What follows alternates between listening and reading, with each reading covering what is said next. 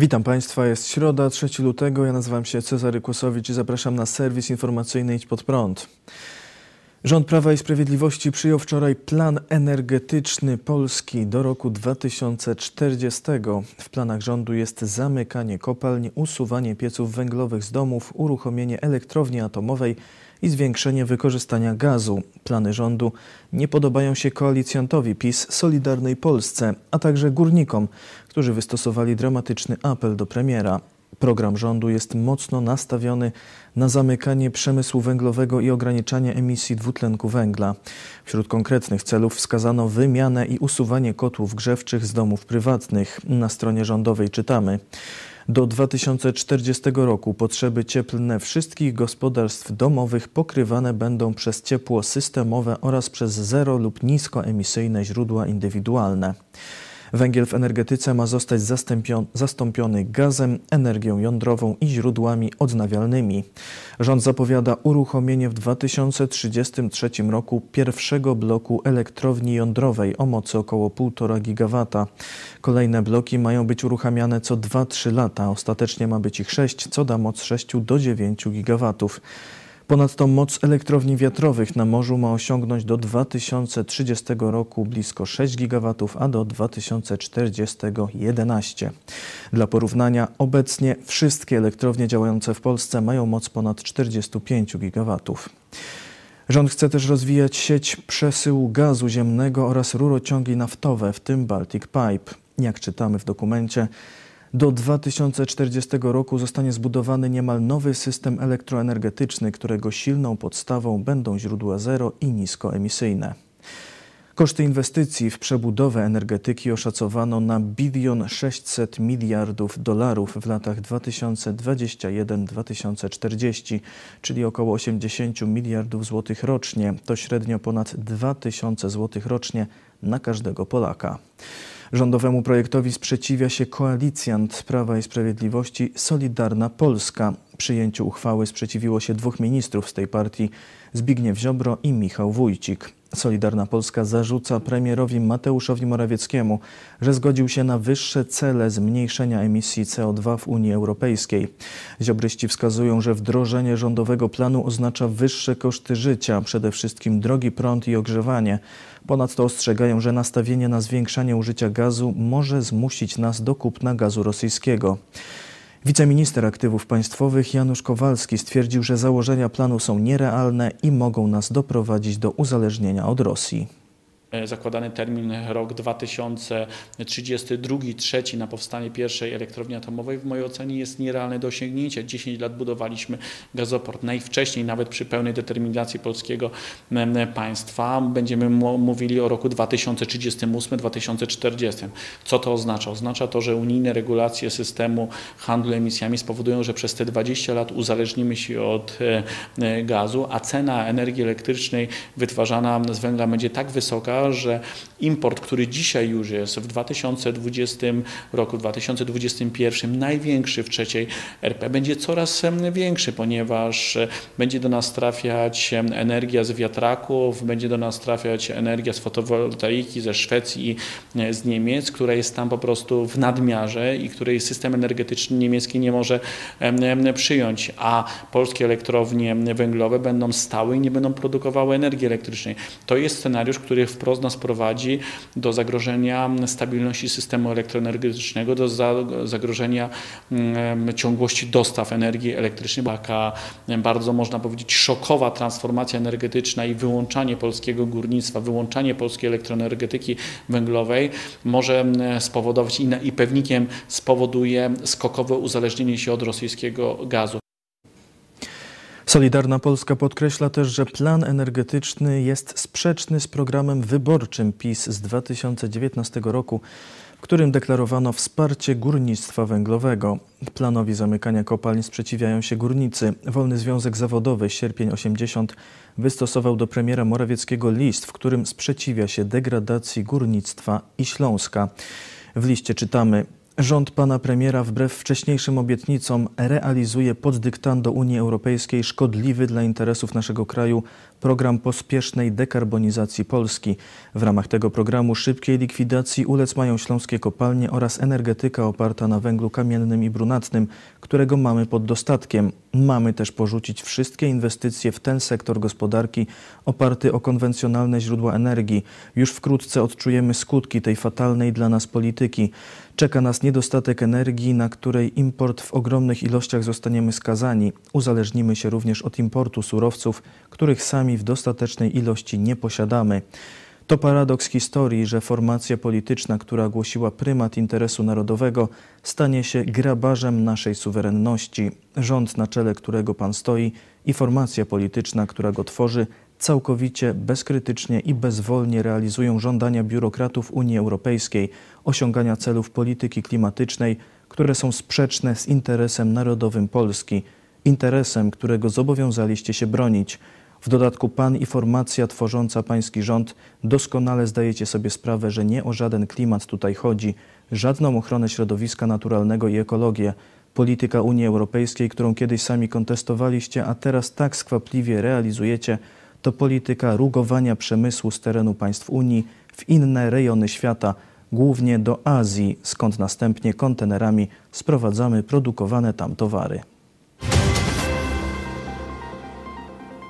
421 osób zmarło wczoraj z powodu chińskiego koronawirusa, ogłosiło Ministerstwo Zdrowia. Od początku pandemii odnotowano w Polsce ponad 37 800 zgonów z powodu wirusa. Wczoraj potwierdzono ponad 6800 nowych zakażeń. O 300 spadła w ciągu ostatniej doby liczba osób zakażonych koronawirusem wymagających hospitalizacji. Obecnie to ponad 13 200. Nieznacznie wzrosła liczba respiratorów wykorzystywanych do leczenia zakażonych, teraz jest to 1369. Resort ogłosił, że do tej pory wykonano ponad 1 340 tysięcy szczepień, z czego 108 tysięcy wczoraj. Dwiema dawkami zaszczepiło się już 289 tysięcy osób. Stwierdzono 1007 przypadków niepożądanych odczynów poszczepiennych. Przedsiębiorcy szykują pozwy za lockdown. Przedsiębiorcy z branży gastronomicznej planują w kwietniu złożyć pozew grupowy przeciw Skarbowi Państwa za ich zdaniem niezgodne z prawem zamykanie ich lokali. Pozew ma zostać złożony, kiedy przystąpi do niego tysiąc pokrzywdzonych właścicieli lokali. Restauratorzy spodziewają się, że sąd orzeknie, iż Skarb Państwa powinien wypłacić firmom odszkodowania. Jeśli takie będzie rozstrzygnięcie sądu, firmy będą wytaczać procesy indywidualne o konkretne kwoty odszkodowań. Izba Gospodarcza Gastronomii Polskiej szacuje, że suma roszczeń przekroczy miliard złotych. Izba podkreśla, że kilkanaście tysięcy restauratorów zostało wykluczonych z pomocy finansowej rządu ze względu na uruchomienie swoich lokali po 1 listopada 2019 roku, tuż przed pandemią, lub zostało pominiętych z powodu manipulacji rządu kodami PKD. Pozwy szykują też hotelarze. 50 właścicieli hoteli będzie domagać się od Skarbu Państwa odszkodowań w wysokości od 50 tysięcy do 2 milionów złotych. Reprezentująca ich adwokat Anna Coban tak komentuje sprawę. Wątpię, by prokuratoria generalna, która reprezentuje Skarb Państwa, była skłonna zawrzeć ugody. Niemniej chcemy jak najszybciej uzyskać pomoc, gdyż moi klienci są w tragicznej sytuacji idą do sądu, bo muszą, wbrew temu, co deklarują politycy. Wielu hotelarzy żadnej pomocy nie otrzymało. Wytoczenie sprawy to nie jest ich widzimisię, zostali po prostu przyparci do muru. Tymczasem Sanepid informuje, że przynajmniej część siłowni, które otwierają się mimo rządowego zakazu, robi to zgodnie z prawem. Dyrektor Ostrowskiego Sanepidu Tomasz Biliński po kontroli w siłowniach i klubach fitness w Ostrowie Wielkopolskim przekazał, że nie ma podstaw do ich zamknięcia, ponieważ zostały one zarejestrowane pod kodem PKD nieujętym w rozporządzeniu ministra zdrowia. Ten numer to PKD 8551, czyli pozaszkolne formy działalności sportowej. Na razie skontrolowaliśmy trzy z nich i okazało się, że mogą funkcjonować. Po prostu dostosowali się, być może zmienili swoje PKD teraz, ale w ten sposób uniknęli zarzutu, że działają niezgodnie z prawem, stwierdził szef Ostrowskiego Sanepidu.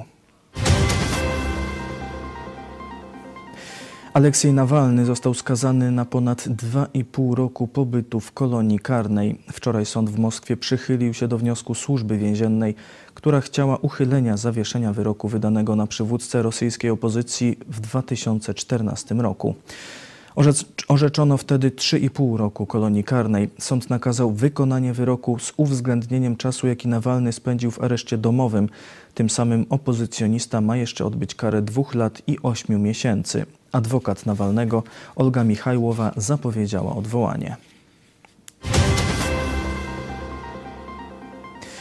Czechy wykluczają Chiny z przetargu jądrowego. Chińska państwowa firma China General Nuclear najprawdopodobniej nie weźmie udziału w przetargu dotyczącym rozbudowy elektrowni jądrowej w Dukowanach. 27 stycznia odbyło się spotkanie czeskiego premiera Andrzeja Babisza z liderami partii parlamentarnych, podczas którego prawie jednogłośnie odrzucono wniosek chińskiej firmy o udział w przetargu. Choć decyzja nie jest formalnie ostateczna, to czeski minister przemysłu i handlu stwierdził, że jest mniej więcej pewna. Z przetargu wykluczona nie została natomiast firma rosyjska Rosatom. Za jej udziałem lobbuje prezydent Czech Miloš Zeman.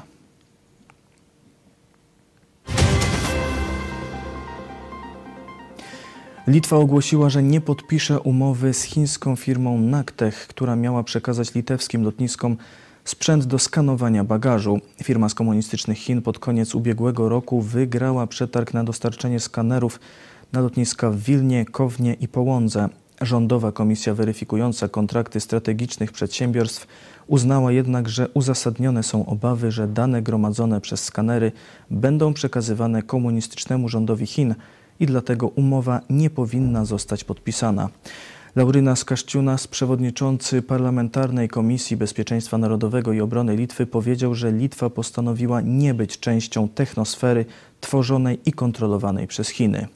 Firma Naktech działa już od ponad 15 lat także w Polsce. Główna siedziba znajduje się w Warszawie, ale firma funkcjonuje także w Kobyłce koło Warszawy i w Emilianowie koło Radzymina. Ukraina nałożyła sankcje na chińską spółkę. Prezydent Ukrainy Wołodymyr Zełenski podpisał w piątek rozporządzenie nakładające sankcje na chińską firmę Skyrizon działającą w sektorze lotniczym, która od kilku miesięcy podejmuje próby przejęcia ukraińskiej firmy Motor Sich, produkującej silniki lotnicze. W ramach sankcji działalność chińskiej spółki podlegać ma kontroli, a jej aktywa zostały zablokowane. Do zatrzymania przekazania ukraińskiej firmy Chińczykom wzno wznosiły Stany Zjednoczone. W lipcu 2019 roku ówczesny amerykański doradca do spraw bezpieczeństwa John Bolton podczas wizyty na Ukrainie mówił: Ostateczna decyzja należy do Ukrainy, ale prawdopodobnie znajdzie ona inne rozwiązanie tej sprawy korzystniejsze dla swoich obywateli. Chińczycy nie wahają się używać metod korupcyjnych, łapówek, mówiąc wprost, do uzyskiwania korzystnych dla siebie decyzji. I przechodzimy do wiadomości sportowych. To nie jest dobry czas dla fanów Olympique Marsylia. W lidze klub zajmuje odległą dziewiątą pozycję. W sobotę ich ośrodek treningowy został zaatakowany przez pseudokibiców. A wczoraj do dymisji podał się trener André Villaboas. Złożyłem rezygnację, argumentując, że nie zgadzam się z polityką sportową klubu. Jeśli jest coś, do czego nie można się przyczepić, to na pewno mój profesjonalizm względem zespołu. Nie mogę jednak zaakceptować, tego, co się dzieje, powiedział trener na wtorkowej konferencji prasowej. Dzisiaj zostanie rozegrana 23. kolejka Ligue 1, w której gracze Olympique Marsylia zagrają na wyjeździe z FC Lens. W środę na australijskich kortach wystąpiła trójka reprezentantów Polski. Od drugiej rundy rozpoczął przygodę z turniejem Great Ocean Road nasz obecnie najlepszy tenisista Hubert Hurkacz. Z uwagi na wysoką pozycję w rankingu ATP, Polak w pierwszej rundzie miał tak zwany wolny los. O awansie do najlepszej szesnastki turnieju walczył z Duńczykiem Mikaelem Torpegardem. Mecz zakończył się pewnym zwycięstwem tenisisty z Wrocławia 6-3-6-4. Rywalem Polaka w walce o ćwierćfinał imprezy będzie Urugwajczyk Pablo Cuevas. Niestety do trzeciej rundy tej samej imprezy nie zdołał awansować Kamil Majchrzak. Polak w drugiej rundzie przegrał z Holendrem Van de Zandschulpem 4-6, 6-3, 4-6. Na trzeciej rundzie zakończyła swoją przygodę w turnieju Gippsland Trophy rozgrywanym w Melbourne Iga Świątek. Polka przegrała z Rosjanką Jekateriną Aleksandrową 6-4, 6-2. Olimpijczycy nie zostaną zaszczepieni. Polscy sportowcy, którzy będą reprezentować nasz kraj na tegorocznych Igrzyskach Olimpijskich w Tokio, nie zostaną zaszczepieni przeciw koronawirusowi. Sportowcy nie są grupą wyróżnioną w Narodowym Programie Szczepień. Zgodnie z powszechnie dostępnymi informacjami, realizacja programu jest w głównej mierze uzależniona od dostępności szczepionek, czyli dostaw. Nie ma podanych konkretnych terminów wykonywania szczepień poszczególnych grup. Zgodnie z programem szczegóły kolejnych etapów, w tym drugi i trzeci, będą wynikały z wniosków z procesu szczepień prowadzonego na pierwszym etapie, zaznaczono w komunikacie Ministerstwa Sportu. Inną decyzję podjęły rządy Izraela, Węgier czy Danii, które zdecydowały się zaszczepić sportowców, którzy będą rywalizować w Japonii. Igrzyska Olimpijskie w Tokio mają zostać rozegrane w dniach od 24 lipca do 9 sierpnia tego roku. To wszystko w tym wydaniu serwisu. Dziękuję Państwu za uwagę. Kolejny serwis jutro o 19. Życzę dobrej nocy. Do zobaczenia.